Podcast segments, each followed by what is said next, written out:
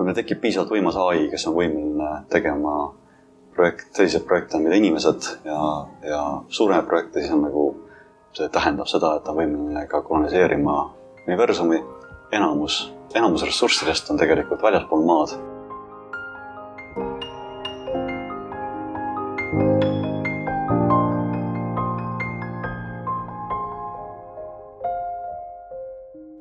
tervitused Tokyost. minu nimi on Rainer Sterfeld ja te kuulate saatesarja Globaalsed eestlased, kus meie eesmärgiks on luua mälupilt sajast silmapaistvast Eesti inimesest üle maailma, üksteiselt õppida ning tuua meid teineteisele lähemale.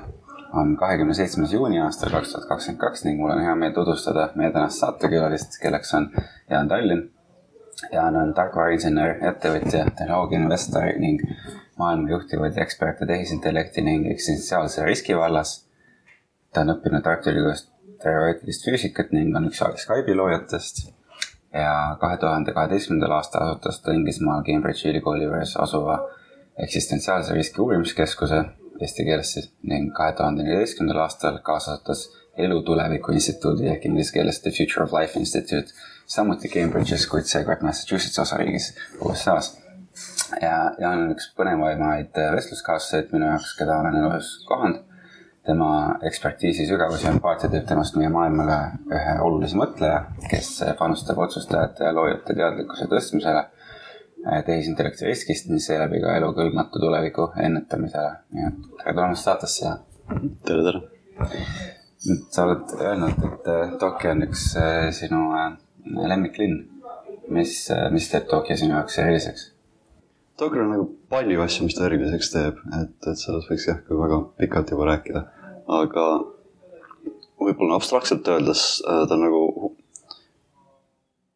nagu kõige muljetavaldavam kombinatsioon maailmas sellistest dimensioonidest nagu huvitavus äh,, turvalisus ja sügavus, et, et sa võid seda äh, nagu oh, kogeda huvitavaid äh, vaateid, kohti või lugusid äh, ja, ja need, need ei lõpe.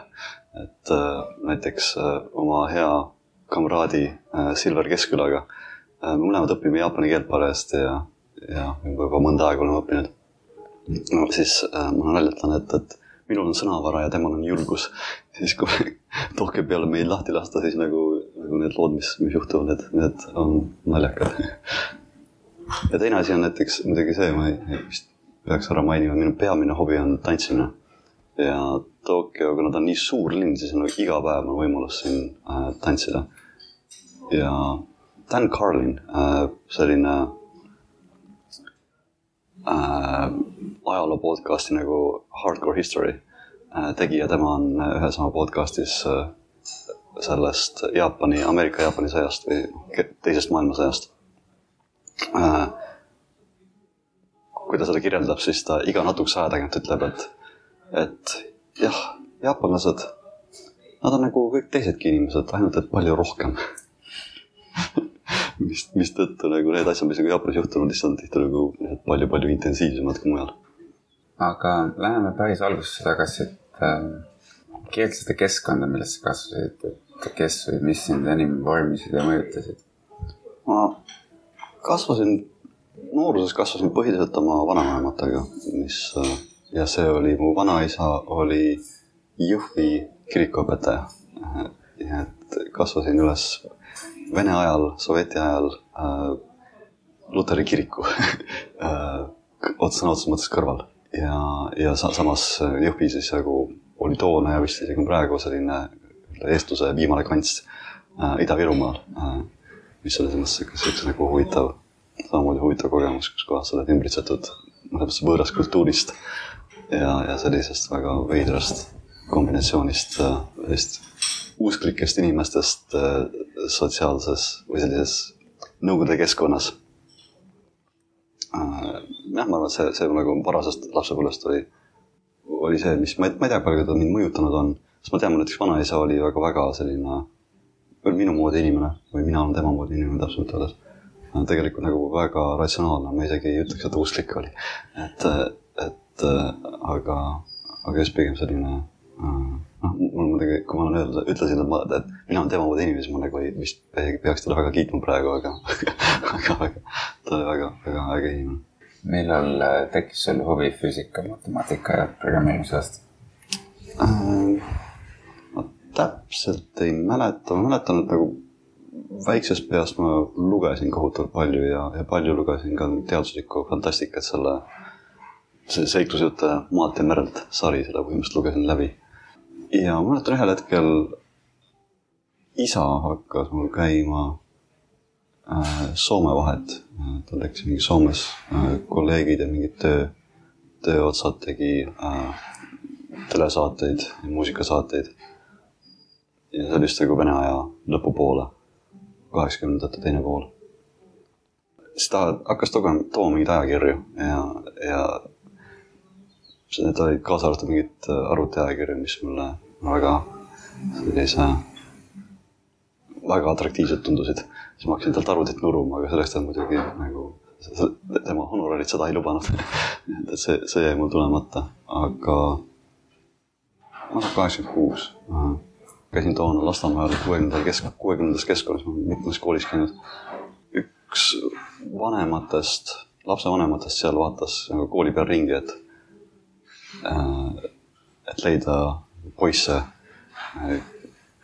tema, ta juhatas ühte arvutuskeskust Koplis, sideministeeriumi arvutuskeskus Koplis, nimi, nimeks Jüri Marsup ja ta ja siis nagu vaatas kooli pealt sellised selgema silmavaatega äh, õpilasi siis, kõik, kõik poisid. ja, ja, ja pakkus neile võimalust. Äh,, sealhulgas, sealhulgas ka mulle siis äh, selles arvutuskeskuses suurte arvutite peal. Äh, õhtuti äh, lihtsalt tegutseda. Ja, ja mis nagu toona arvuti õppimise juures oli väga võluv, oli see, et arvutid olid põhimõtteliselt nagu puhas leht, et, et kui sa praegu, ma arvan, et oluliselt raskem arvuti programmeerimist õppida, kuna kuna ükskõik kui palju sa ei punnitaks, kui sa kunagi ei saa midagi sellist tehtud, mis sul nagu kahe kliki kaugusel on. aga toona oli nii, et, et kui sa tahtsid arvutiga midagi huvitavat teha, siis pidid seda ise tegema. ja, ja me tegime. mis need, mis need arvutid olid seal äh, Kopli arvutuskeskuses? seal olid mingisugused robotronid vist olid ja mingid suured, ma isegi täpselt ei mäleta nende, mingi sihuke arvuti, mingi Nairi mingi, kas Armeenia või midagi siukest. ma täpselt ei mäletagi nende marke, aga mm. vist jah, mingi robotronid ja mingi Poola arvutid olid, mingi sellised äh,. tihtilugu olid mingi lääne arvutite Ida-Euroopas tehtud kloonid ta nendest, nende pealt ma alustasin, mis on lihtsalt sellised rohe, rohemustad terminalid ja ja, ja nende, nende, nendega pusimist ma alustasin, aga siis aastal, mõne aasta pärast juba hakkasid tulema esimesed äh, personaalarvutid, PC-d, IBM mm. -hmm. PC erinevad kloonid. ja siis läksin nende peale üle. ja keskkooli sa läksid Gustav Adolfisse? jah, et, et oligi tegelikult nii, et, et Jõhvist tulin ma juba peale nullklassis käisin Jõhvis, aga esimesse klassi tulin, kolisin vanemate juurde tagasi Tallinnasse ja käisin, alustasin kolmekümne teisest keskkoolist äh,, kust on mul jah pigem head mälestused äh,. ja siis kolisin, kolisime perega Lasnamäele kuuekümne, kuuekümnendasse keskkooli kas see on see Kuristiku gümnaasium? ja nüüd on vist Kuristiku gümnaasium jah. ja see, see oli täielik elu nagu šokk ja eluvõitlus, kus kohas oli nagu toodud üle Tallinna, juba avatud kool, üle Tallinna äh, erinevad lapsed kokku ja seal hakkas kohe nagu mingi väga brutaalne e- eluvõitlus, kus kohas, kus ei puudunud äh, pommid ja koolimaja süütekatsed ja, ja lõhkumine ja, ja nagu tapmisi vist ei olnud. aga, aga palju ei puudunud. küll oli siukseid asju, kus kohas pidin, mäletan, pidin evakueeruma äh, vist äh, teise korruse aknast kuna, kuna ees oli, koolimaja ees oli äh, väidetavalt äh, nagu gäng, kes nagu tahtis mulle ära teha mis nagu huvitav muidugi selle juures on see, et, et sealt äh, pärit nagu klassivennad äh,, kellega me siis nagu läbi saime, nendega ma käin siiamaani läbi, sellepärast et tekkis nagu väga tugev selline olelusvõitluse kontekstis sõprus. kolmekümne teise keskkoolis, kus kohas oli mul pigem nagu väga hea põli sealt mul nagu selliseid pikaaegseid sõpru ei ole. aga jah, kuuekümnendast keskkoolist on siiamaani, käime, käime ja, ja seal jah, üks vähemalt, Priit Kasasalu oli ka Skype'i kaasas, kaasasutaja. juba tegelikult peale ühte aastat seal kuuekümnendas käimist äh, mõtlesin, et okei okay,, et, et, tegelikult ma ei taha seal käia, et, et tuleb, tahaks kuhugi mujale minna. aga siis oli äh,, mis mind põhiliselt ikkagi sinna, sinna jättis, oli, oli need sõbrad, kes, kes mul seal tekkisid, aastaga tekkis nagu juba piisavalt tugevad, tugevad sõbrad. ja, ja tegelikult äh, mis ma just käisin, kolm aastat või? Äh, need ülejäänud aastad olid ju palju lihtsamad. ja siis tõesti, äh, keskkooli läksin siis toona esimesse keskkooli, mis nüüd on Gustav Adolfi gümnaasium ja see oli jälle omamoodi šokk, et, et see oli nagu esimene koht, kus kohas äh, sul on ümber klassitäis inimesi, kes väärtustab teadmisi äh, ja, ja kes, kui, kui sa midagi, kui sul on mingisugune intellektuaalne võimekus või, või arusaam maailma asjadest, siis selle vastu oli kohe huvi ja, ja, ja see, ma arvan, et see tegelikult nagu esimene keskkool nüüd või kui Gustav gümnaasium vist isegi kõige rohkem mõjutas. hakkas sulle andma tagasisidet, et, et maailma asjadest arusaamine on, on väärtuslik, kuna sinu äh, ümber olevad eakaaslased seda väärtustavad. ja seal, seal ma siis põhimõtteliselt kohtusin ka äh, teise ja kolmanda Skype'i kaasasutajaga Eesti poolt äh, Toivo Annuse, kes küll kahjuks lahkus kaks aastat tagasi. Ja Ahti Heinlaga. ja sealt samamoodi, mis et mind kõvasti mõjutas, oli orienteerumine nagu aineolümpiaadidele, äh, matemaatika, füüsika. ma tegin ka arvuti olümpiaadi, aga see mul kunagi hästi välja ei tulnud. aga matemaatikas ja füüsikas mul läks alati väga hästi. ja see olümpiaadidel, olümpiaadi tegelemine on põhimõtteliselt nagu esimene koht enam-vähem elus, kus kohas nagu, nagu tõsine intellektuaalne jõuproov, mis oli mulle esimeseks selliseks tõeliseks jõuprooviks äh,. kuna noh, nende nägin, nägin ülesanded, mis olid raskemad, kui, kui ma oskasin lahendada. mis, mis oli, ma arvan, väga arendav. kas äh, selle Kasesalu, Heinla ja Annusega see, see Blue Moon tekkis äh, või noh, ma ei tea, kas see Blue Moon nagu võib-olla teisejärguline see nimetus, aga see grupp nagu hakkasite koos midagi tegema juba keskkooli ajal või? jah, äh, no tegelikult nagu Blue Moon ja Skype'i kasutajad, seal on nagu, nad ei ole üks-ühele vastavuses, eks. et Blue Mooni põhimõtteliselt algus oli, et mina ja Ahti hakkasime, tegelikult veel nagu veel samm tagasi võttes oli keskkooli viimases klassis äh, tekkis võimalus minna külla Rootsi äh, sealsele Uppsalas ühele klassile, mis oli täiesti enne, enneolematu asi äh, aastal kaheksakümmend üheksa ja, või siis eelviimane klass ei, ikka viimane klass, äh, sügisel kaheksakümmend üheksa. Äh, mul üks hõimlane onutütre mees ütles, et oh, läänes nad äh, ju hirmsasti armastavad soft'i, et kirjutame, te siin kirjutate mingit, juba mingeid programme, et noh, kirjutage mingi programm, minge maha seal ja on kohe rikkus käes. ja lihtsalt öeldes nii oligi aga muidugi tegelikult elu oli natuke keerulisem, aga me hakkasime tõesti Ahtiga siis äh, nuputama, et, et hmm, võib-olla tõesti kirjutaks midagi huvitavat ja noh, midagi huvitavat. Äh, seitseteist, kaheksateist aastased poisid, noh mingi mäng muidugi. siis hakkasime otsast mingit mängu pusima, siis hakkas seltskond suurenema ja Priit, kellega me olime tegelikult seal käinud seal Koplis arvutuskeskuses koos, kuna tema oli ka samamoodi Jüri Mantsõbi poolt äh, välja valitud seal käima, tema liitus kohe äh, seltskonnaga, siis hakkasime siis tuli, tuli leida veel mingeid kunstnikke seal ja muusikuid, mis oli väga huvitav selline bändi kokkupanemise lugu, kus kohas käisime teisi. no põhimõtteliselt selline äh, talentide otsimine, mis äh,, mis siis äh, päädis lõpuks sellega, et, et äh, lõime naljatlevalt nimetasime, naljatlevalt nimetasime seda Eesti mängutööstuseks, kuna meil teisi konkurente ei olnud äh, nimega Blue Moon Interactive. ja sellega tegelesime siis põhimõtteliselt kümme aastat. Äh, ehk äh, üheksakümnendad. vahepeal läksin, mina ja Ahti läksime Tartusse, kolisime äh, füüsikat õppima. Ahti tüüdines sellest aasta-paariga ära kolis tagasi Tallinna tagasi, mina ikkagi punitasin lõpuni. ja kolisin alles aasta kaks tuhat, toona juba isa ja abielumehena Tallinnasse tagasi Tartus äh, sa õppisid füüsikat, nagu sa ütlesid ja, ja sa kirjutasid oma lõputöö tähtede vahelise reismise võimalikkusest läbi aegruumi kõveruste. millest, millest selline huvi? no ma arvan, see on natuke selline äh, liialdatud, liialdatud pealkiri, Vikipeedia tõesti niimoodi äh,, niimoodi ütleb. kuigi, aga see oli tegelikult lihtsalt teemaks võtsin üldreaktiivsuse. üldse võib-olla üle samm tagasi võttes. Füüsika huvi tekkis peamiselt äh, oma, nii minul kui Ahtil äh,, meie füüsikaõpetaja äh, Gustav Adolfi gümnaasiumis äh,. Vilma Kukrus äh,, kes oli nagu väga, väga muljetavaldav äh, õpetaja, kes siis jah, nagu äh, surus nii-öelda füüsikateadmisi äh, ja sellist äh, uudishimu äh, teemade vastu, kes äh, tihtilugu alustas seda, et alustas tundi sellega, et nii äh,, teil on nüüd siin selline õpikasi äh, või õpiku järgmine peatükk siin on nagu vigu täis, et, et, et, et seda, seda nagu vist ei ole mõtet eriti vaadata, et, et et, et kui te ikkagi vaatate, et siis on nagu need, ärge nüüd pöörake sellele, sellele tähelepanu, aga see, see ei ole õige.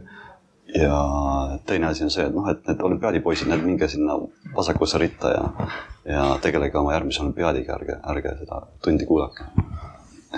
ja, ja kui meil oli siis vaja Ahtiga hakkasime mõtlema, et mis me seal Tartus õpime, siis mõtlesime, et noh, et noh, arvutist me teame niikuinii juba kõike, et, et võtaks midagi silmaringi laiendavat ja, ja, ja selle füüsika õpetaja lummuses mõtlesime, et noh, füüsika tundub õige asi, mida, mida õppida.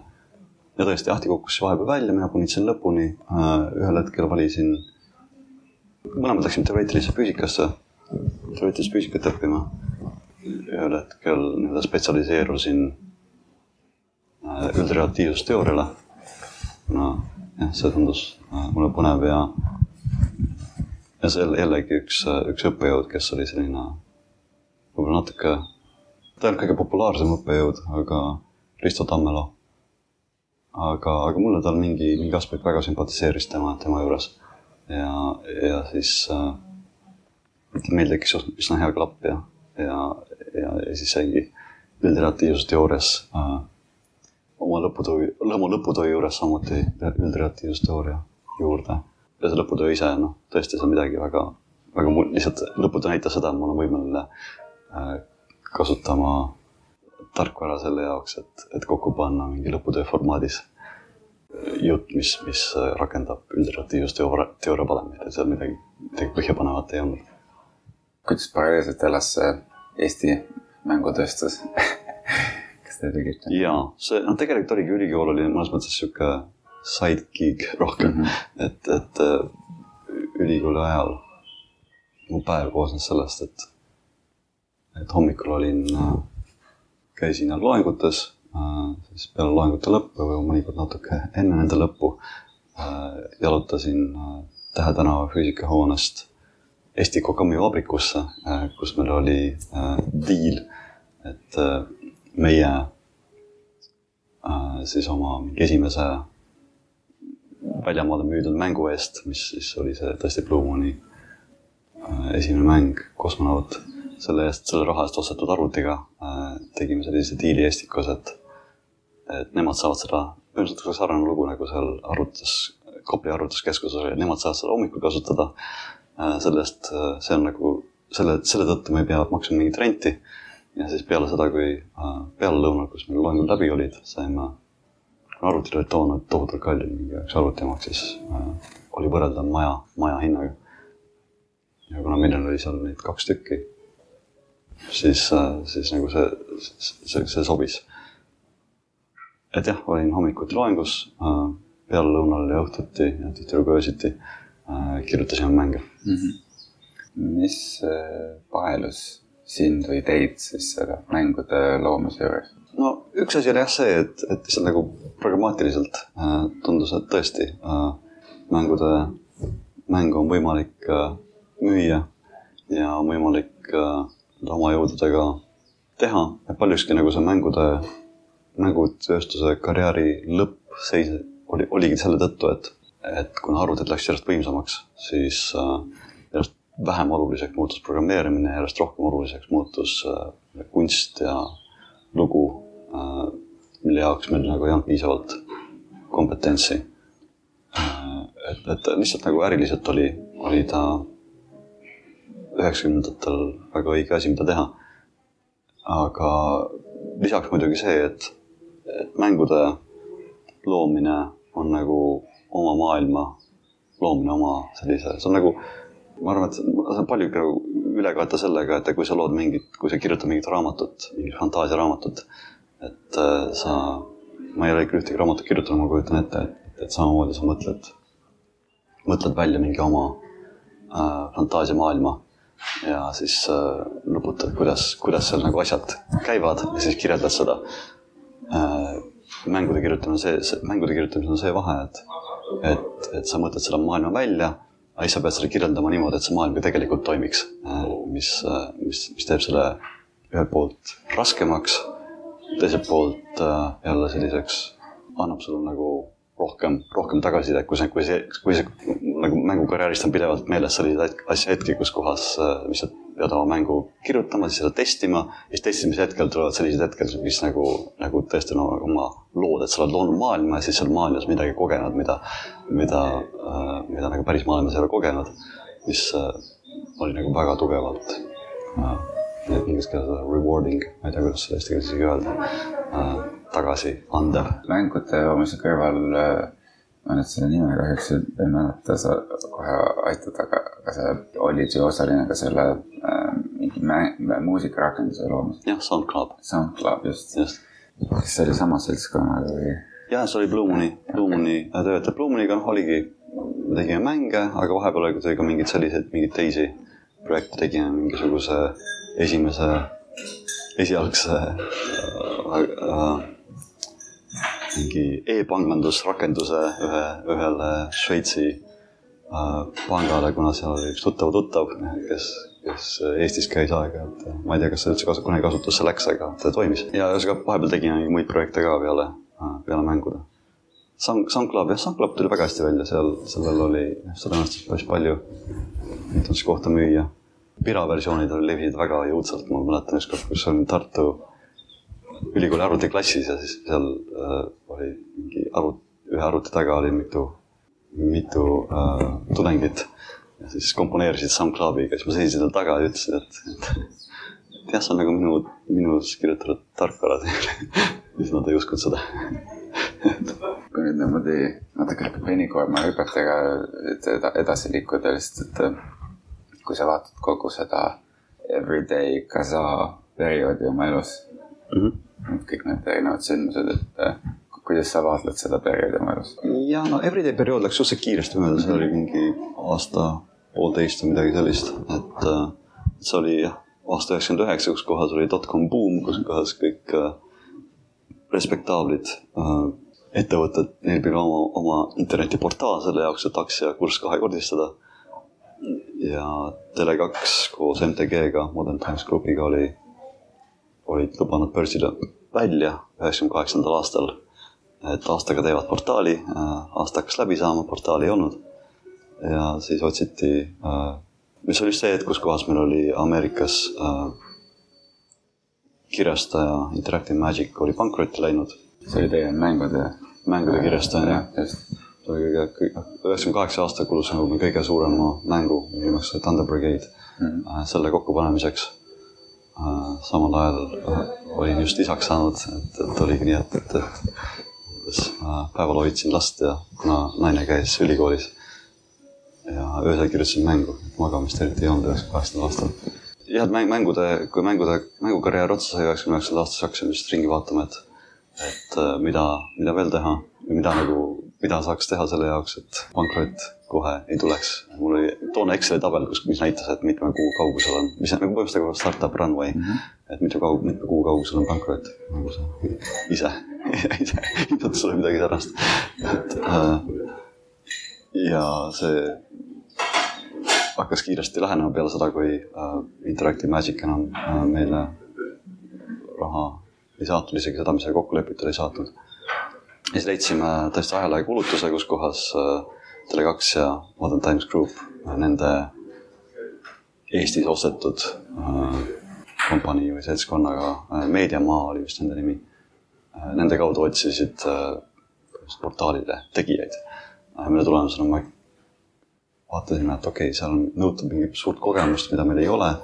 aga siis võtsime kätte ja nädalavahetusega kirjutasime mingi portaali, kus kohas olid nagu kõik, kõik need kogemused või kõik need tehnoloogiad või kasutused, mida, mille kogemust nõut-, nõust-, nõuti.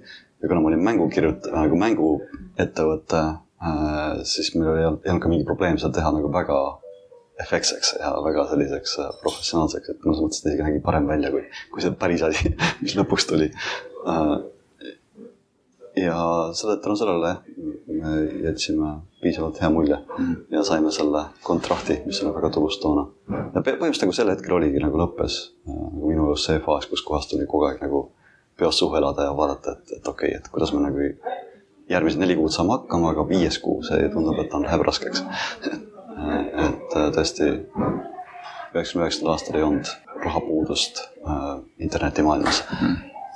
ja kaks tuhat alguses äh, Niklas Stenström ja Jaanus Riis, kellega me siis seal Tele taha, Tele2 jaoks tööd tehes ja Üride.com-i tehes kohtusime, otsustasid, et okei okay,, et nemad lähevad ära, teevad oma mingisuguse ähm,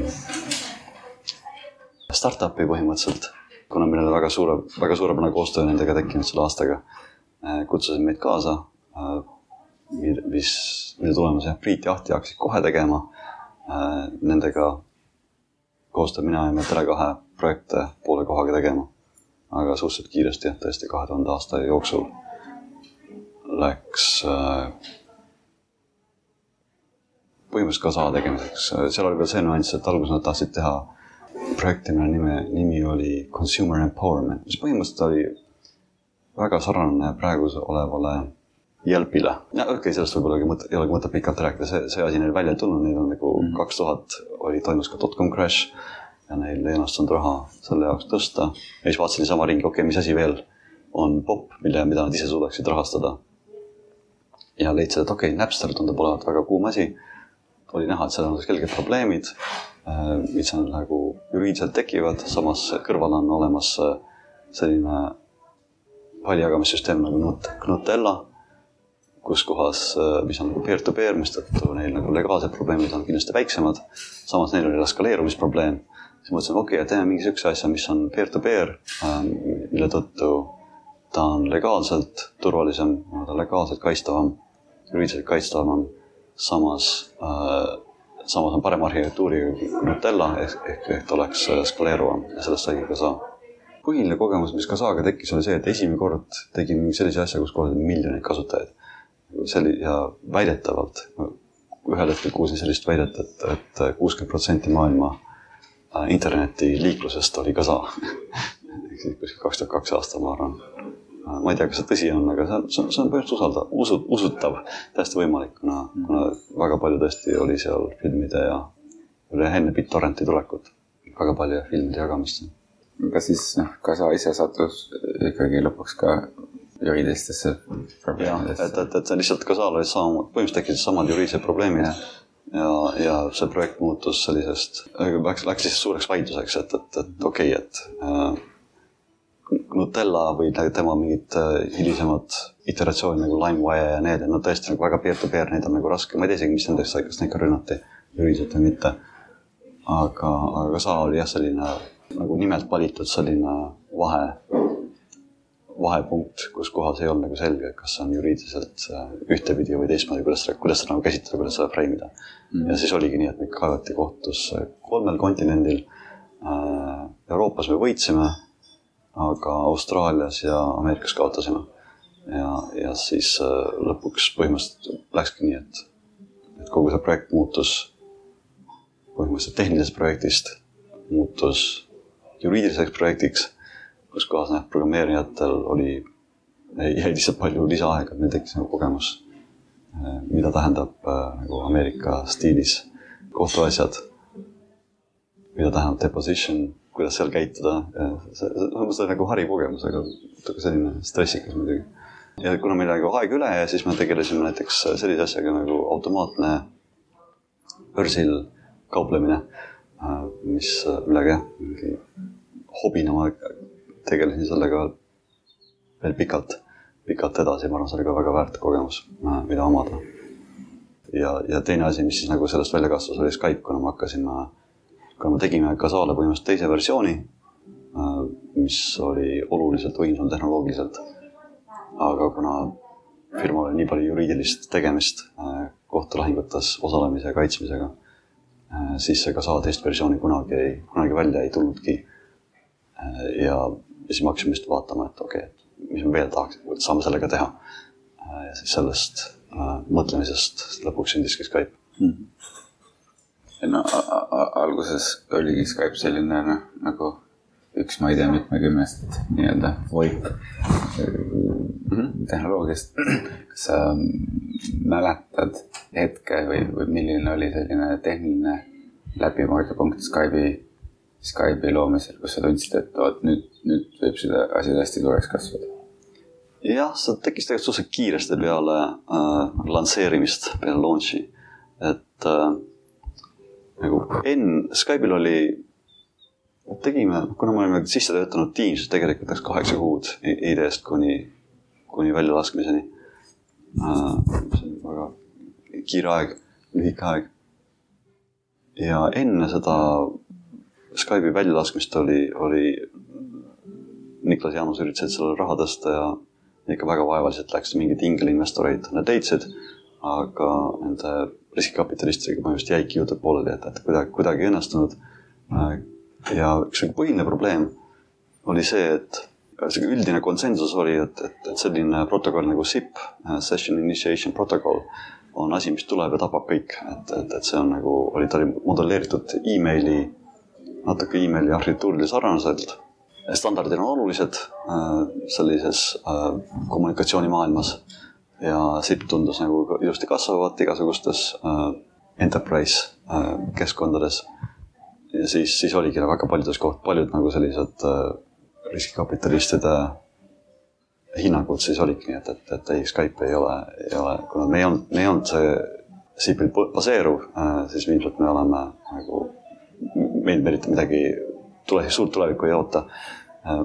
üks naljakas fakt oli see, kuidas äh,, naljakas seik oli see, kus kohas äh, üks interneti tehnoloogia ja mõtleja Clay Shirky tema kirjutas, et Skype is bringing a knife to a gunfight et, et tuleb oma mingi kodukootud protokolliga vehkima olukorras, kus kohas nagu kõik on näha, et, et siit tuleb ja tapab. Mis nagu lõbus oli see, et mõni aasta tagasi ma kohtusin Clay Shirkiga New Yorgis äh,. Äh, John Brockman äh, korraldas äh, temaga äh, õhtusöögi John Brockman, see on üks kirjastaja, kes on ka minu mingit äh, mõnda artiklit kirjastanud. ja, ja siis ma siis mõtlesin Clay Shirkile, et, et vaat siukse asja kirjutasin, mis sa arvad, ta muidugi ei mäletanud sellest midagi muidugi, miks ta peakski mäletama seda. Clay Shirk muidugi väga vaha, väga vahva tegelane muidu. et äh, ja siis oligi nii, et, et, et põhimõtteliselt mul nagu raha tõsta eriti ei õnnestunud. Äh, aga niipea, kui me Skype'i nagu välja laskime. üks asi, mida me tegime, oli Kasa eeskujul tegime äh, Skype'ile äh, nagu selle online counter'i, et ühesõnaga, et mitu inimest on parajasti võrguga ühendatud see tundus väga hea mõte, ühesõnaga tagantjärele see väga hea mõte, esiteks andis kohe nagu tiimile, niipea kui me Skype'i välja panime, hakkasime kohe helistama äh,. esiteks mitte Skype'iga, vaid, vaid nagu tavatelefonidega tõpra, sõpradele, tuttavadele, et tulge Skype'iga online'i et siis läks number suuremaks ja siis ühel hetkel vaatasime, et oot, et see number läheb ilma meie sõpradetagi suuremaks ja, ja, ja, ja mingi nädala-paari pärast ma tegin äh, siukse rehkenduse, et okei okay,, et, et panen, panen need päevased numbrid, statistikanumbrid äh, logaritmilisele skaalale ja seal tekkis nagu perfektne sirge. ja mis ma rehkendasin, et okei okay,, et kas vist aasta lõppu, järgmise aasta algus ehk siis kaks tuhat kolm lõpp või kaks tuhat neli algus. et maailma inimestest enam ei piisa, et meil on vaja mingeid järgmisi planeete planeete Skype'i kasutajateks äh,. Skype'i, Skype'iga online'i saada selle jaoks, et, et jätkata, siis muidugi noh, see muidugi tähendas seda, et see kasv äh, nagu päris eksponentsiaalne enam äh, mõne aja pärast enam ei olnud aga siiski see jätkus maruliselt põhimõtteliselt.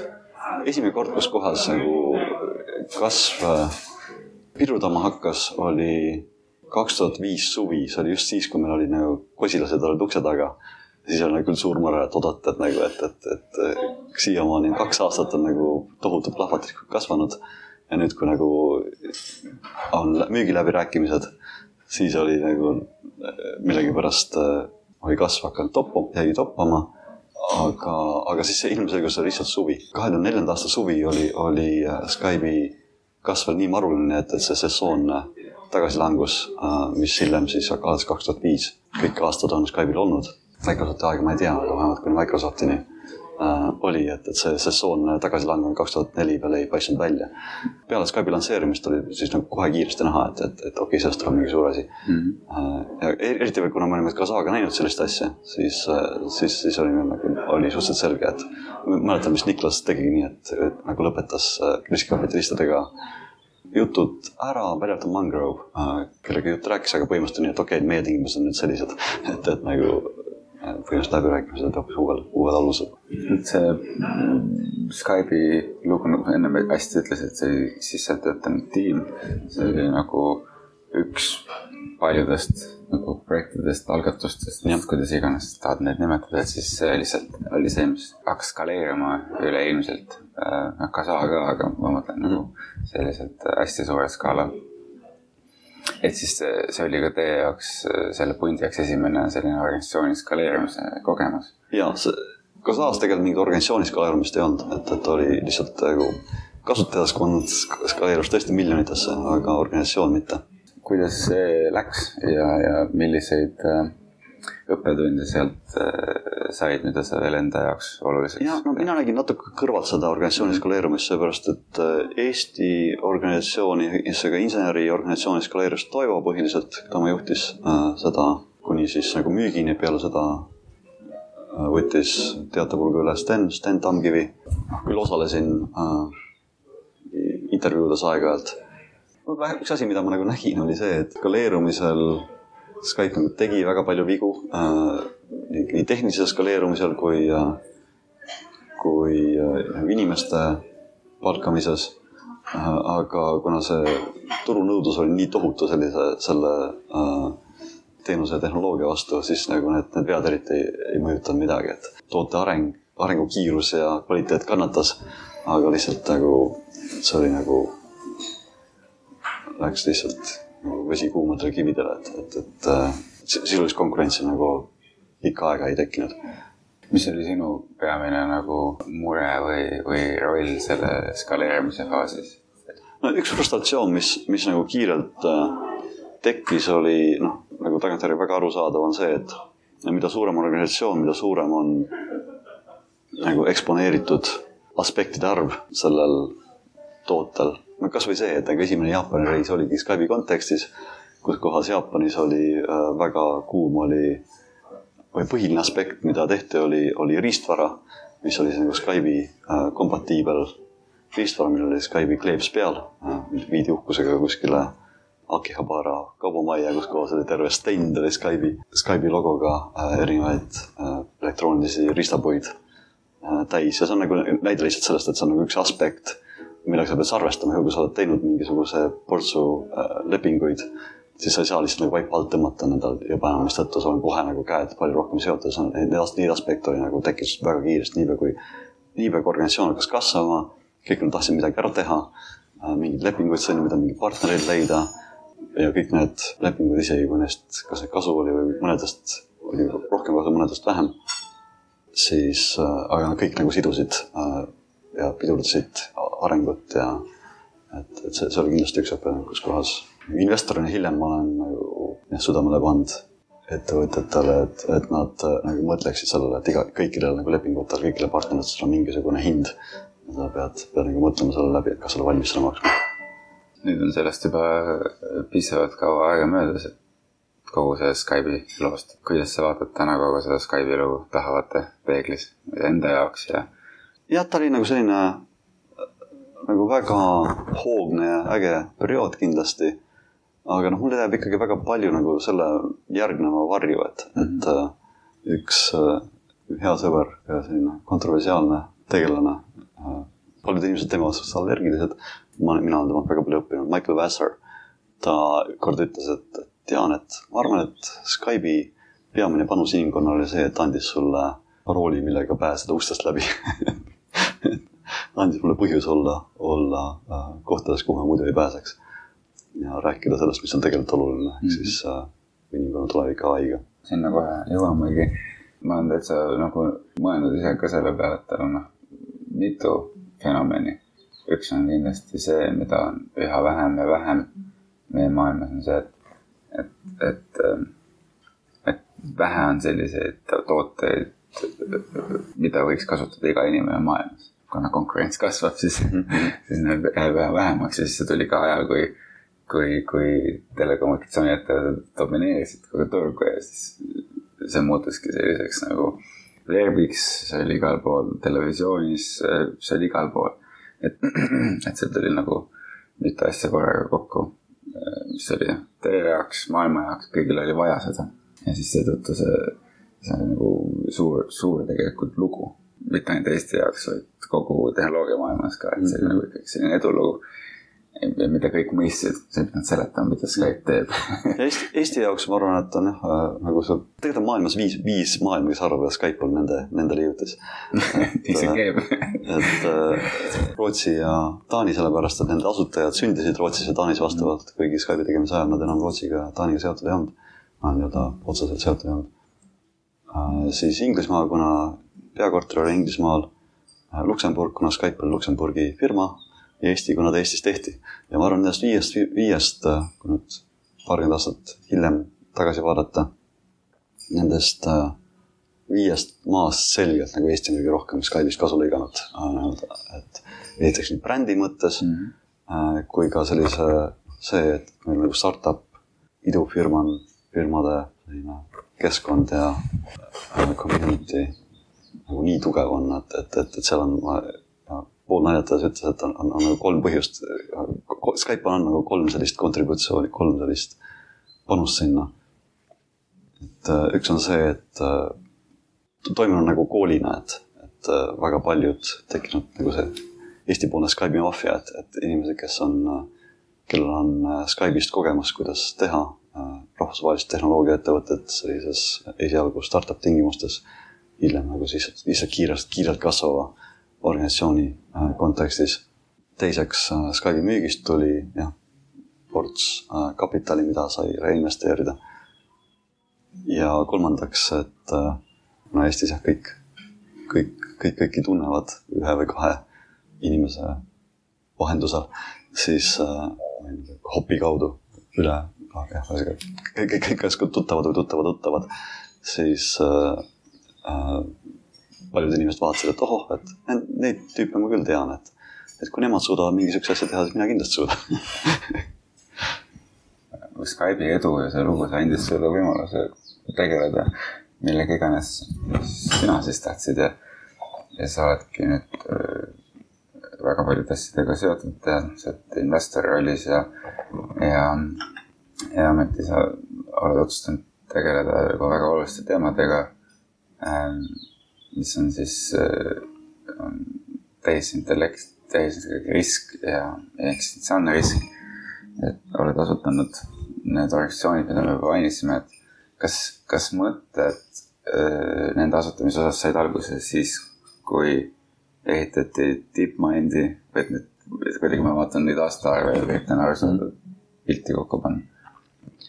Ei, nagu alguse sai sellest, see oli juba Skype'i, ma olin toona juba Skype'is kui ma järjest rohkem kas mingi Slashdoti või mis iganes uudistevoogude kaudu, mida ma mm, -hmm. mida ma jälgisin, sattusin äh, sellise mehe nagu Eliezer Jutkowski äh, kirjutistele. ja tema jah, tõesti umbes paarkümmend aastat tagasi juba äh,, kui ta juba alustas, mina sattusin jah temale kirjutistele mingi kaks tuhat seitse, kaks tuhat kaheksa vist esimest korda äh,. Oli enam-vähem nagu suhteliselt üks, üksik hüüdja hääl kõrbes. ja siis ütles, et oot-oot, et tehno-, see tehisintellekt ei ole asi, mis oleks inimkonnale automaatselt hea. et see on asi, mille, mille jaoks tuleb pingutada võimalik, et väga-väga-väga kõvasti pingutada, et sellest midagi, midagi head tuleks. ja, ja mulle jätsid tema kirjutused väga sügava mulje, ma arvan, et ta, on kirjutanud üle tuhande essee äh, nagu sellel teemal ja sellega piirnevatel teemadel ta, kui ta nii, kui ta nagu tõstatas selle probleemi, et, et tehnilisest intellektist äh, tuleb suur jama, siis hakkas talle, hakati talle nagu vastu vaidlema. Need vastuvaidlemised olid äh, sellised, mis nagu sundisid teda, teda, teda oma väidet argumenteerima.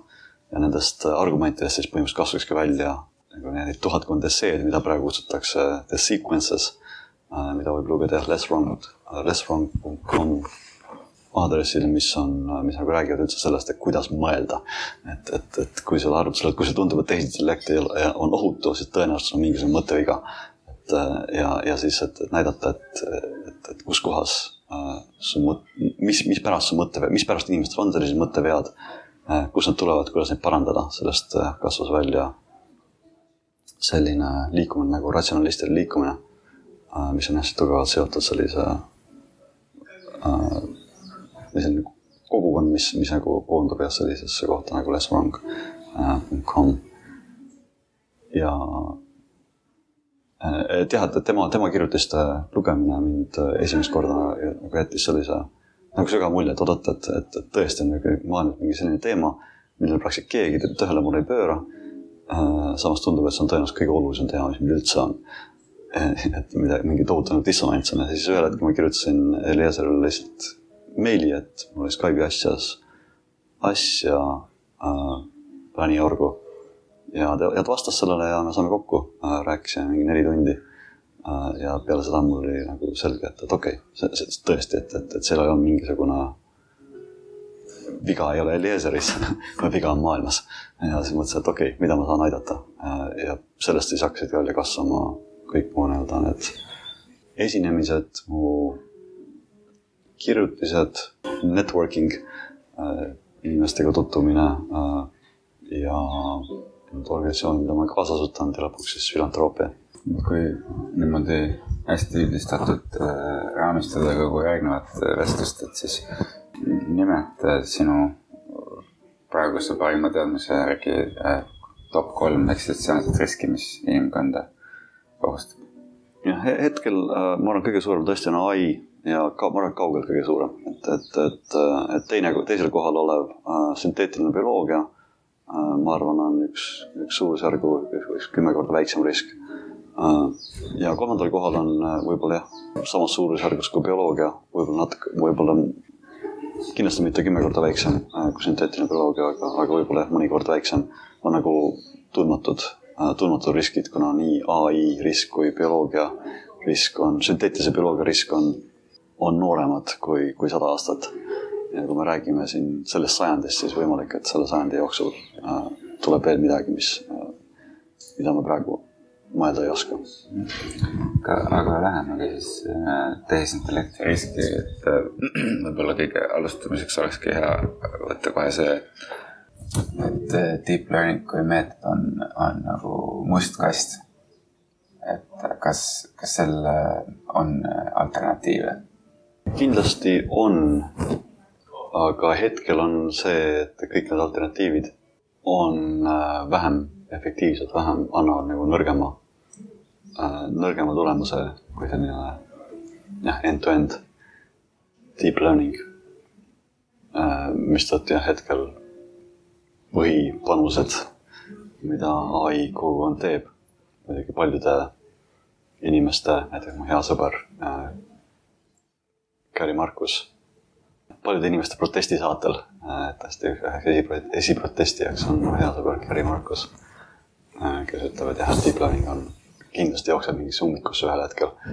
mina tema sellist kindlust kindlasti ei jaga, samas tal on huvitavad argumendid ja see on isegi mõnes mõttes väga oluline strateegiline küsimus, et, et kui kaugel deep learning läheb.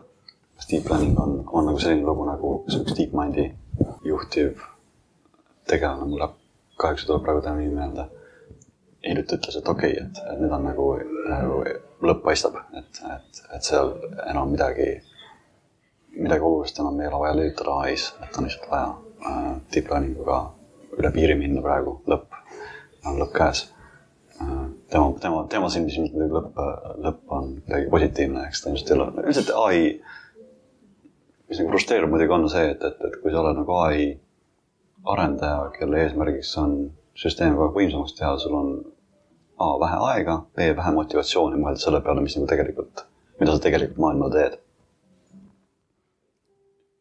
ja, aga tõesti noh, nüüd võib-olla on Gary Markusel õigus, et, et, et see ikkagi ühel hetkel deep learning äh, ja seal mingeid märke selle kohta on, et, et deep learning uga lõpuni, lõpuni ei jõua, et on vaja ikkagi minna äh, joonistuspaberi juurde tagasi ja hakata, hakata nuputama, et kuidas me teeme äh, ai-l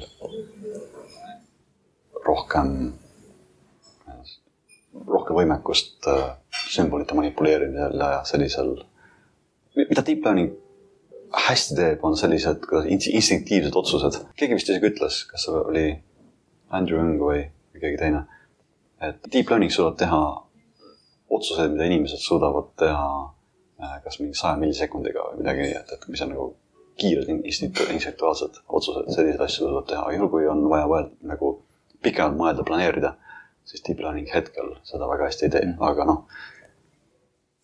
praegu, praegu on jah tõesti äh, suvi kaks tuhat kakskümmend kaks. võib-olla sügisel on see probleem juba ületatud, ei tea. Ma ei tea, kas see on sinu mõte või mitte, aga ühes vestluses sa nimetasid tehisintellekti ja, ja, ja, ja, ja ütleme selle, sellest tulenevalt eksistentsiaalset riski inimestele. tabavalt võrrelnud gorillade eludega, ehk siis see, mis juhtub gorilladega, pole enam ammu gorillade otsustada, vaid, vaid inimeste võimuses ja ja et sama saaks siis öelda ka inimeste kohta, kelle elu võiks lähitulevikus olla tehisintellekti otsustada, et millisel moel võib see ennast manifesteerida? Ütleme, et raskem kindlusega öelda, millisel moel see manifitse-, mani-, manifesteerub. aga gorillade analoogi äh, jätkates äh, on nagu üks selline loogiline võimalik tulem on see, et, et me kaotame täieliku kontrolli oma elukeskkonna üle. ai-d nagu sellisena, nagu ta praegu on, tal ei ole keskkonna piiranguid. vähemalt on, aga need on hoopis teistsugused ja hoopis lõdvemad, palju lõdvemad kui bioloogilisel Äh, elul. näiteks äh, atmosfäär tõenäoliselt on talle kahjulik. kui meil tekib piisavalt võimas ai, kes on võimeline tegema projekt, selliseid projekte, mida inimesed ja, ja suuremaid projekte, siis on nagu, see tähendab seda, et ta on võimeline ka koloniseerima universumi. enamus, enamus ressurssidest on tegelikult väljaspool maad. naiivselt võib mõelda, ohoh, siis, siis ei olegi midagi karta, ta lihtsalt läheb siit maa pealt minema ja jätab meid rahule, rahule. ei Äh, selle jaoks, maa pealt ära minna, selle jaoks, et jõuda võimalikult kiiresti võimalikult paljudesse kohtadesse, on äh, üks loogiline viis selleks, et kasutada ära maa peal olevad aatomid. ja võimalik, et ka teha niisugust asja, et kustutada ära päike, seepärast et päikese, päikese tsentris toimuv äh, termotõmmareaktsioon tõenäoliselt ei ole kõige efektiivsem viis äh, aatomeid energiaks äh, muuta äh,. juhul, kui sa oled arenenum nagu inimesed enam üritavad vähem kasutada selliseid naiivsemaid viise nagu aurumasinad või, või äh, või mehaaniline hoovusenergia selle jaoks, et äh, energiast tööd saada. ka selle tõttu võivad füüsikast ja maailmast paremini aru saavad äh, tehisintellekt, süsteemid kasutada looduslikke energiaallikate asemel mittelooduslikke energiaallikaid äh, ja seetõttu loodust nii palju muutes, et bioloogiline elu enam ei ole võimalik äh, siin planeedisüsteemis, võimalik siin, siin universumis. selle stsenaariumi nagu lähitulevik, me rääkisime sellest ka paar päeva tagasi, oli siis võimalike tulnukate tulek või alienid. et mida sa mõtled alienide all, mis saaks juhtuda? see on jälle nagu teistmoodi, kuna noh, ai-l on nagu nii palju aspekte mm, -hmm. siis äh, ja nad on, tegemist on sellise asjaga, millega inimestel ei ole, millega inimestel kogemust ei ole, äh, siis on äh, nagu olulised sellised asjad nagu intuitsioonipumbad nimetatakse, et, et, et sa ütled mingisuguse, teed mingisuguse kirjelduse, mis siis illustreerib mingit olulist aspekti äh, ai-st. kuna see nagu tervikuna hoomata on, on keeruline.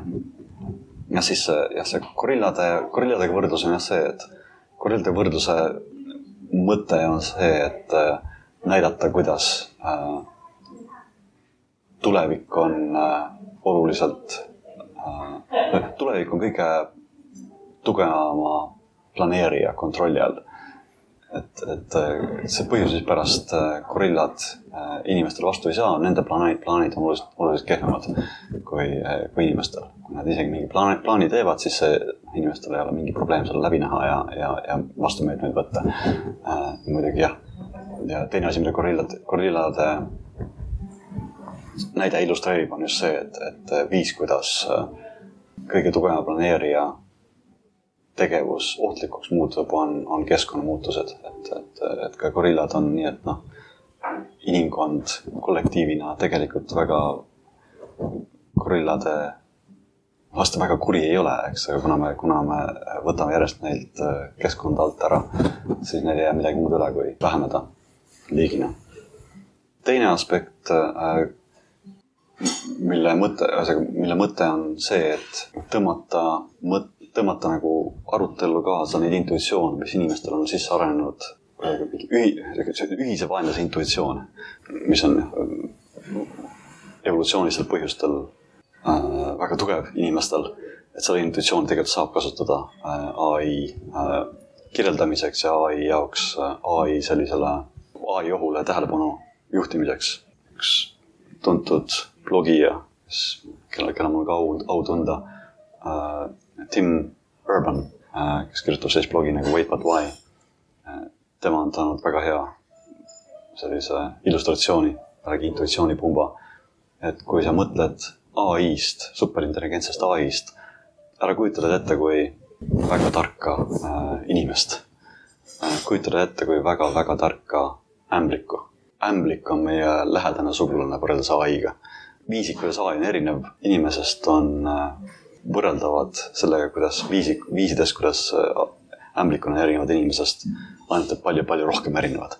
et võiks isegi öelda seda, et, et juhul, kui meil on tulemas äh, me näeme, et siia on tulemas mingisugust arenenud tulnukate laev ja me teame, et nad on bioloogilised tulnukad, siis nendest on tõenäoliselt vähem karta äh, kui, kui ai-st, kes ei ole bioloogiline, mis ei ole bioloogiline.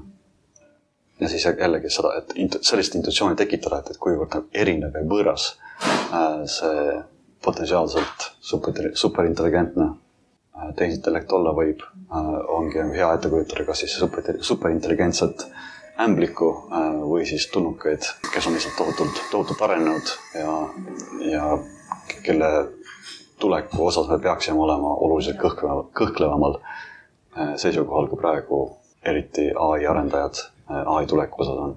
teine mõte selles on selle ilmingud, et see Google'i vilepuhuja inseneri välja toodud intsident. et, et nende üks ai projektidest muutus siis, kas ise toimivaks või kuidas eesti keeles peaks üldse olema? teadvusel olijaks, jah, tekkis teadvus. selle point oli lihtsalt, et see loodi viis aastat tagasi, et nüüd tekkis see probleem, et asjad, mida täna luuakse, need probleemid. Ja täna loome need probleemid, mida me veel ei tea, et nad on probleemid. ja minu arust ma nagu näen, mis, mis on nagu hetkel selle äh, furoori, äh, selle Google'i inseneri poolt tekitatud furoori äh, või selle, selle tulemusena tekkinud arutelu nagu põhiviga on see, et, et, et see arutelu keskendub sellele, et oota, kas nüüd oli teadvusel või mitte, eks ju. ja siis noh, see, see minu jaoks ei ole nagu üldse huvitav arutelu, et, et, et mis, mis nagu tegelikult huvitav on see, et et äh, see tehnoloogia, äh, mille tulemusena kogu see furoor tekkis, ehk Transformerid leiutati kaks tuhat seitseteist ehk äh, viis aastat tagasi.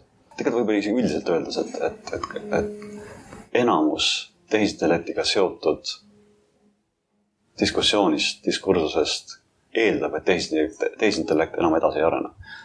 Et, et, et nüüd on need probleemid, mis me nüüd näeme, et need nagu jäävadki meie järgmiseks sajaks aastaks probleemi, peame mõtlema, kuidas nagu selle, nende, probleemide äh, nagu näotuvastus või mida iganes äh, nende, neid, nendega kõige mõistlikumalt tegeleda, et, et mida tegelikult nagu see Google'i intsident ütleb, et, et nüüd hakkavad siuksed asjad tulema.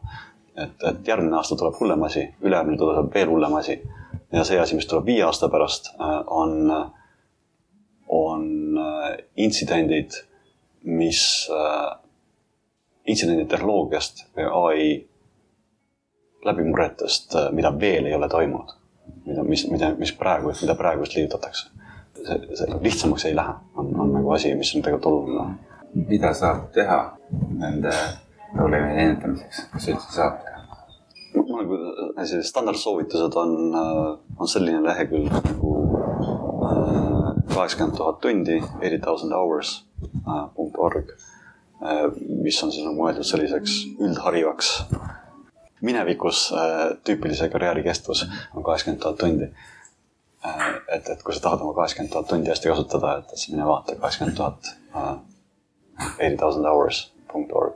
kui sa oled selline ai tehnoloog, keda, kes tunneb huvi ai turva vastu, siis selline lehekülg nagu alignment forum, alignment forum punkt org, nagu foorum tehniliste lahenduste otsimiseks ja, ja nende, nende arutamiseks siis lesswrong.com, mida ma juba mainisin, äh, on samuti koht, kus kohast paljud ai alignment foorumi äh, postid ka nagu üldisema, üldisemale või laiemale ringkonnale arutamiseks äh, pannakse. Et tegelikult nagu neid seda materjali on päris palju praegu tekkinud, et, et mida, mis asjad on, mida peaks, mida saaks ja peaks turvalisemalt tegema, kui praegu, praegu tehakse. väga suurel abstraktsel tasemel öeldes on kaks sellist äh, valdkonda või koolkonda üks on see, et äh, peaks mõtlema, kuidas ai-d piirata. ehk et kui me, kui me teeme ai-d, tehisintellekti, et ta nagu käest ära ei läheks, et ta püsiks nagu oma, oma ülesande juures, olgu see, selleks siis klassikaline näide on äh, kirjaklambrite tootmine äh,. või siis isegi võib-olla sõjapidamine või midagi sellist et ta ei, nagu ei väljuks oma piiridest, et ei hakkaks äh, selle asemel, et, et teha järgmist paberi Äh, kirjaklambrit äh, hakkab, hakkaks päikest, mõtlema selle, kuidas päikest ära kustutada või kuidas inimesi petta või kuidas inimesi likvideerida. Äh, seepärast, et paberi ehk nagu Nick Posterman on, on, on tähelepanu juhtinud selle jaoks, et teha võimalikult palju kirjaklambreid, selle jaoks, et pidada võimalikult head sõda, selle jaoks, et maksimeerida pangakonto numbrit mingisugusel äh, hedge fondi äh, valduses oleva pangakonti numbrit. Äh, nii-öelda arvuti seisukohalt, keda mingisugune keskkond midagi ei huvita, on äh, atmosfääri evakueerimine või, või päikese ärakustutamine täiesti fair game, et, et et, et, et, et kuidas me, kuidas me saaksime omaid piirata niimoodi, et nagu sihukese asja, sellist nagu jaburdusi ei teeks, eks ju. see on üks viis. teine viis on see, et nagu ai alignment, kuidas isegi, kui tal tekib võim võime mõelda väljapool oma sellist vahetu tööülesande piire, kuidas ta saaks äh, nagu need vajaminevad teadmised ja vajamineva motivatsiooni, eriti oluline motivatsioon selle jaoks, et, et ehitada tulevikku sellisena, nagu tegelikult olema peaks, et, et, et, et, et tema, tema arusaam heast tulevikust äh, oleks võimalikult sarnane sellele, millene, milline oleks äh, inimeste arusaam heast tulevikust äh, eeldusel, et me oleksime samamoodi targemad, kui, kui me praegu oleme, seepärast me ei taha nagu, nagu lukustada sellist äh, tulevikku, mida me praegu arvame, et on hea tulevik, kuna me teame, et, et inimesed minevikus on eksinud selles osas, mida, mida nad arvavad, et ole, mis on eetiline ja mis on, mis on hea. sa ise investeerid ja ka koos oleme investeerinud mitmesse äh, tehisintellektiga tegelevasse ettevõttesse, et sa oled öelnud, et sa investeerid seetõttu, et sa saad seeläbi kaasa aidata nagu ai riskide maandamisse, et nagu nii keegi investeerib, et siis parem, kui investeerib keegi, kes nagu oskab ka aidata ütleme, ennetada elukõlbmatu tuleviku tekkesse, et mida sina arvad, et mida peaks otsustajad, ehitajad ähm, silmas pidama ai süsteemi ehitades, et nad, ei tuleks soovimatu tulevik? no jällegi, et äh, ai alignmentforum.org on, on hea, hea ressurss, äh, mida äh, silmanurgas järgida. ja, ja sellises abstraktsel tasemel mõelda selle peale, kogu aeg nagu mõelda selle peale, et, et kui ma nüüd sellist asja ehitan, mis juhtuks, kui see, kas see asi oleks, kas olukord jät-, oleks jätkuvalt kontrolli all, kui ai jah, ai, mida ma ehitan, äh, oleks äkki võib-olla üleöö kümme korda targem, sada korda targem, äh, miljon või miljard korda targem.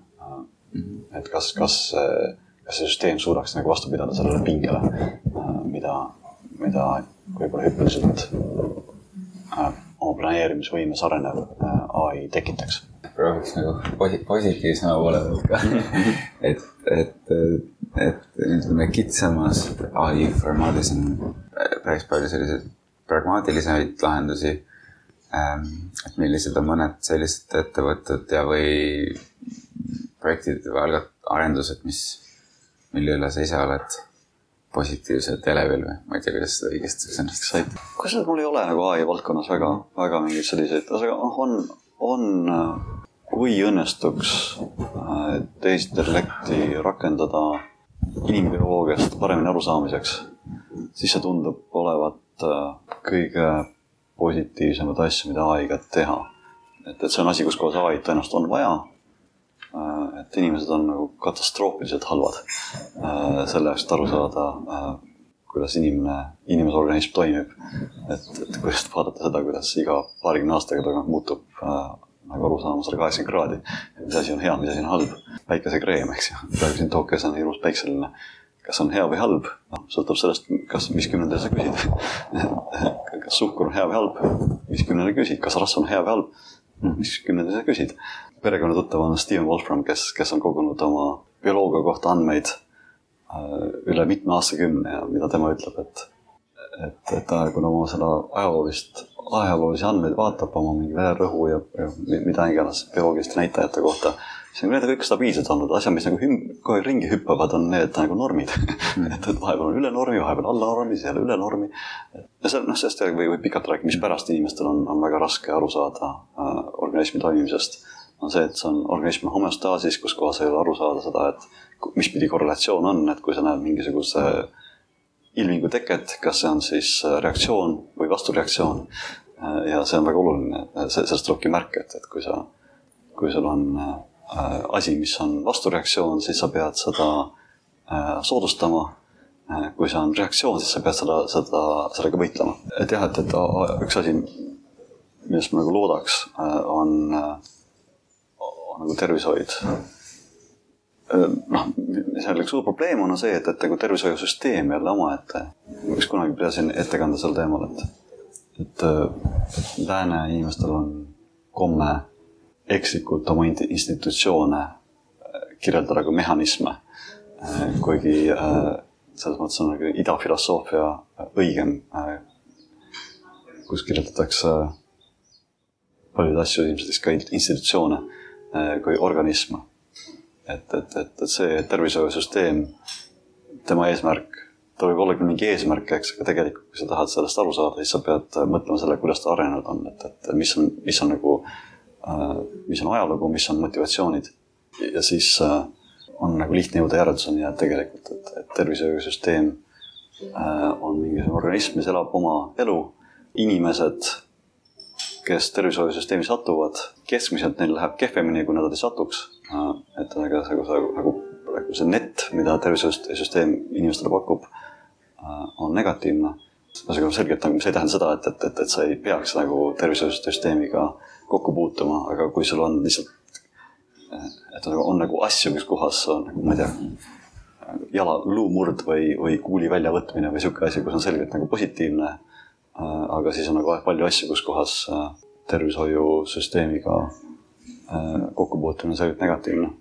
see on nagu see omaette probleem, et, et ai rakendamine läbi olemasoleva tervishoiusüsteemi tõenäoliselt ikkagi ei aita, et, et peab, peab, peab leidma mingeid viise, kuidas mööda minna tervishoiusüsteemist. Et kui sa mõtled nagu kliimakriisi, siis mõtled, ma ei tea, et kuidas ehitada rohkem õiglast maailma, et palju ai saab siin aidata? ma ei tea, palju ma kliimakriisist nagu tahangi rääkida, sellepärast et, et see, et äh, see on nagu üks selliseid asju, mis nagu võtab eelduseks, et, et ai-d ei tule. kliimakriis eeldab seda, et atmosfäär jääb alles, see, et päike jääb paistma, mis on nagu minu vaatevinklist tugevad eeldused.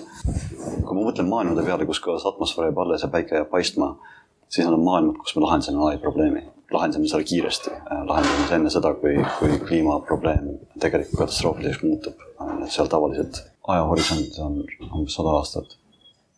ai tuleb kiiremini. ta on nagu sellised eeldused, mida mina ei usu, eks, aga, aga see muidugi ei tähenda seda, et mul ei, võib-olla mul ei õigus, et võib-olla tõesti deep learning jääb toppama siis on nagu, võtab inimese, inimkond sada aastat, et nagu hakata mõtlema, okei okay,, mis see järgmine asi võiks olla, et kuidas, kuidas ai-d jälle targemaks teha. Noh, ma ütlen, see on väga vähe tõenäoline, mulle tundub, et see nii juhtub, aga võib-olla juhtub. ja teine asi, mida noh, kliima puhul nagu lähiajal võib-olla jah, teha on ikkagi asjad, mida ma ise, millele ma nagu tähelepanu pööran, noh, nad ei ole nagu väga, väga ai-ga seotud, nad on uued viisid energiat saada, mul kas homme just on kohtumine sellise väga vähe tõenäolisega, samas huvitava potentsiaalse äh, energiaallikaga, mida mu Cambridge'i äh, eksistentsiaalsete riskide keskuse kompanjon kaasasutaja Hugh Price äh, on mitu korda tähelepanu juhtinud äh, sellele sellist fenomeni akadeemias nagu reputation trap. et, et kui sul on mingisugune teema, mis satub nagu akadeemikute ja su kolleegidega, oled akadeemik, põlu alla, siis on väga raske mingi progressi äh, selles, äh, selles teha. isegi kui see, ja siis on tema väide, mis on õige, ma arvan, Hugh Price'il, et kui sul on mingi teema, milles sa ei saa nagu välistada, et seal progress võib tulla ja see progress on väga kasulik, siis peaksid äh, nagu olema liberaalsem äh, ja mitte nagu kohe hukka mõistma inimesi, kes nagu mõtlevad, oot, oot, et tõenäosus on, tõenäosus on väike, et sellest midagi tuleb, aga võib-olla midagi tuleb. ja see teema on uh, Code Fusion uh,, mis siin uh, selgub, et Tokyos, Tokyo ülikooli, Tokyo ülikooli juures on maailma kõige potentsiaalikam. Nad just nimelt brändi põhjustel nimetavad seda nüüd LENR, Low Energy Nuclear Reactions laboratoorium. ja nende, nende inimestega ma lähen homme rääkima ja see on, see on just nagu üks näide sellisest asjast, mis tõenäoliselt on väike, et sealt midagi välja, välja tuleb. aga kui tuleb, siis on see, on see väga oluline, okei okay,, võib-olla mitte väga, väga lähiaja, aga, aga võib-olla järgmise kümnendi äh, energiabilansile. ja, ja, ja, ja, ja rääkimata vähem eksootilistest asjadest nagu energiasalestus, energia, päikeseenergia äh, ja, ja lõpuks siis ka süsiniku carbon sequestration, sequestration, ma ei tea, kuidas eesti keeles öelda, süsiniku eemaldamine atmosfäärist et, et need, need asjad on, mis äh, noh, jällegi otseselt ai-ga seotud ei ole, aga, aga ma arvan, need on põhiasjad, kuhu ma panustaksin, kui tahta kliimaga tegeleda. ja mitte, mitte panustaks siin, vaid tegelikult ka panustan, et mul on, mul on portfellis mitu ettevõtet, kes, kes tegelevad selliste, selliste teemadega. kui ai on kõige suurem risk, eh, sellega peaks tegelema nagu kõige esimese asjana teiste ees, siis eh, siis mulle tundub, et siin peaks äh, oluliselt rohkem inimesi sellega tegelema. ja, ja, ja üheaegselt jõudma mingisuguste lahenditeni. aga siis, kui sa vaatad, äh, kuidas sellega nagu ütleme ai ja, ja ütleme seadusandlus või regulatsioon või mingi kasvõi kokkulepped mm, -hmm. kas riikide vaheliselt või üleilmselt, et, et USA-l, Euroopal ja Hiinal on täiesti erinev arusaamine, kuidas see võiks välja näha et ähm, kas ma ei arva, et oleks väga okei. seadusandluse tasandil, äh, et kas andmed, kes, kes omavad andmeid, kuidas neid äh, kaitstakse. aga, aga räägi ka, et kas, kas tehnoloogia arendust ja riski saab ennetavalt reguleerida, et tagada turvalisus? tagada kindlasti mitte mm, -hmm. aga turvalise maks saab kindlasti teha, nagu minu praegune väga värskeim, võib-olla ka ekslik seetõttu lemmiknäide on, et eelmine aasta oli Strasbourgis äh, ühe andmekeskuse ehk siis äh, arvutus, öelda, data center äh,. andmekeskus, jah. andmekeskuse põleng äh,, kus siis jah, põlesid tuhanded arvutid ja seda ei õnnestunud kustutada tundide kaupa äh,. isegi kustutamist alustada ei õnnestunud tundide kaupa, kuna ei olnud viisi, kus kohas seda, kus kohas elektrit välja lülitada selles äh,, selles andmekeskuses, nii et, et kui inimesed räägivad sellest, et et meil ei ole ai-st midagi karta, me võime alati ju elektri välja võtta lihtsalt neist. no ei või juba praegu, praegu on olemas keskuseid, kus kohas ei ole nuppu, kust elektrit välja võtta, et äh, et nagu kõige lihtsam asi on jah see, et, et, et mõelda selle peale, kui, et tõenäoliselt, kõige suurem tõenäosusega juhul, kui ühel ai hakkab ühel hetkel nii-öelda maailma üle võtma, ehitama struktuure, millest inimesed enam aru ei saa atmosfääri äh, eemaldama, päikest ära kustutama, see tõenäoliselt see protsess saab alguse mõnest andmekeskusest äh,, mõnest data center'ist. et, et äh, kindlasti on regulatiivne, lihtsad asjad on need jah, et pange, pange nupp, kus välja lülitada. Võib-olla saab keerulisemalt teha, saab teha mingisuguseid audit süsteeme, et mis toimub andmekeskustes. siis küberturva, kuidas hoolitseda selle eest, et teised inimesed või see AI ise ei suudaks võtta, üle võtta oma andmekeskust või siis mingi naaber andmekeskusi teise andmekeskuse maailmas. et teha nagu teha ai-l inimeste hävitamine raskemaks. Äh, ja on, on tõesti lihtsaid viise ja on keerulisemaid viise. lihtsad viisid on asjad, mida ju praegu saaks regulatiivselt teha, et nõuda seda, et oleks võimalik elektri välja võtta. võimalik, et kaugelt teha. tõenäoliselt tuli sellest, neid ma küll ei tea, aga ma usun, et sellest äh, Strasbourgi keskusest ilmselt mingi viis oli seda elektrit välja lülitada. aga mitte selline viis, mida oleks võimalik kaugelt teha, et, et, sa pidid ilmselt minema kogu, kogu põlevasse keskusesse, et hakata seal lüliteid näppima. Äh, ja siis asja, mida noh, juba tehakse ja kus kohas ma näen, et on tegelikult nagu hämmastav sarnasus äh, nii lääne mõtlemises kui, kui Hiinas on nagu üld, üldised printsiibid, kuidas äh, ai-d nagu pikemas perspektiivis lugeda. arusaamad või põhimõtted, millele peaks toetuma ai, mida me, mida me tahaksime.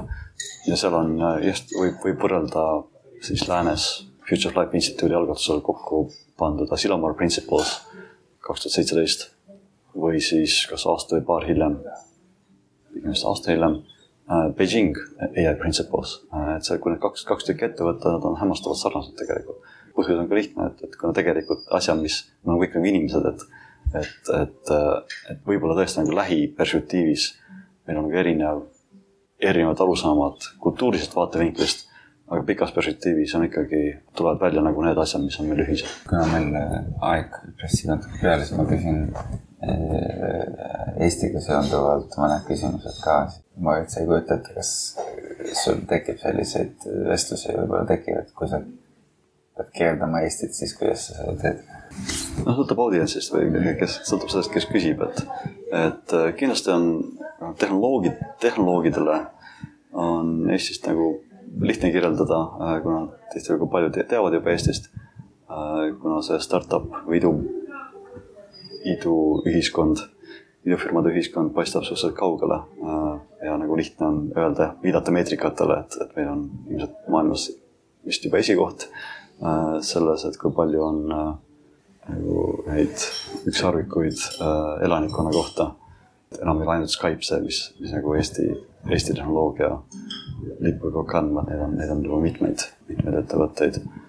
teistpidi jälle kirjeldan seda, et kuidas Eesti on nagu, ütleme viimasel ajal võib-olla tõesti nagu igavamaks, äh, selliseks tüüpilisemaks Euroopa väikeriigiks muutumas, aga, aga üldiselt äh, seal üheksakümnendatel, kus oli nagu väga tugev uuenduskihk, äh, mis, mis võib-olla jah, tõesti mille nagu vaibumisest on natuke kahju. uuenduskihk just sellises äh, riigi juhtimise vallas, millest siis jah said alguse, eks ju, kõik need äh, e-riigi, e-riigi initsiatiivid. Need samamoodi paistavad kaugele äh, mitmes nagu sellistes valitsus, valitsusringkondades.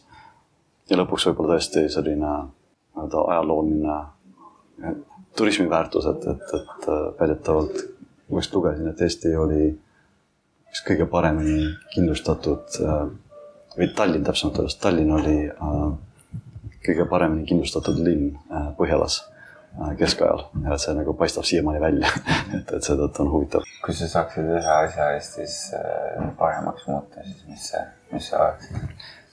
kuna ma väga, väga palju tähelepanu ei pööra nagu sellisele Eesti äh, igapäeva probleemidele, siis mul ei ole nagu väga sellist äh, selget viisi, et võib-olla lihtsalt rõhutaks jah seda, et, et äh, ma arvan, et on kindlasti rohkem potentsiaali nagu selle e-lahenduste arendamisel, et, et äh, mõnevõrra tundub, et näiteks Taiwan või siis Hiina poliitkorrektselt öeldes Taipei on, on seal nagu isegi Eestist mööda läinud, et, et, et, et need asjad, mida seal, mida seal tehakse, tunduvad olevat ägedamad kui Eestis et, et seda, seda nüüd vaadata ja katsuda kuidagi konkurentsis püsida.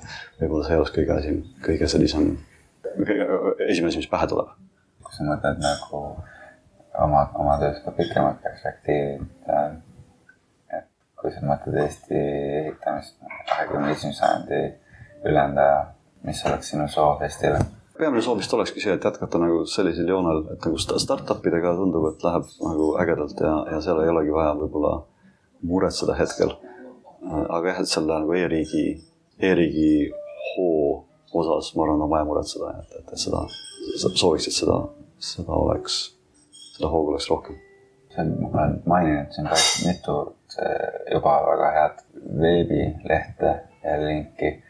aga kui sa mõtled enda suure lugemuse pealt mingeid raamatuid, mis sind on enim mõjutanud, mis need on? Tegelikult nagu jah, need Les Wrongi sequence'id on selgelt kõige rohkem mõjutanud ja sellest ka raamat, et, see on nagu raamatu kujul olemas uh,. Rationality from ai to zombies.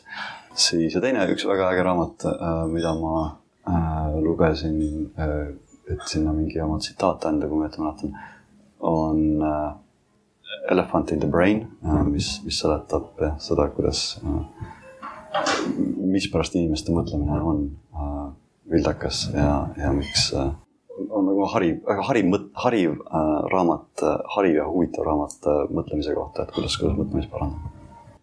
ja suured tänud, et sa võtsid aega tulla, sellega on täna vestlus läbi ja, ja ma ja hindan väga su aega ja, ja soovin, et sinu need ma ei tea, entusiasm ja rauge ja, ja mõtted jõuaksid paljude Eesti inimesteni. Aitäh. aitäh. head kuulajad, te kuulasite saatesarja Globaalsed eestlased ning meil oli külas Jaan Tallinn. kui teil on veel mõtteid, ettepanekuid, kellega võiks saateid teha, siis kirjutage globaalsed eestlased, gmail.com. Kuulmiseni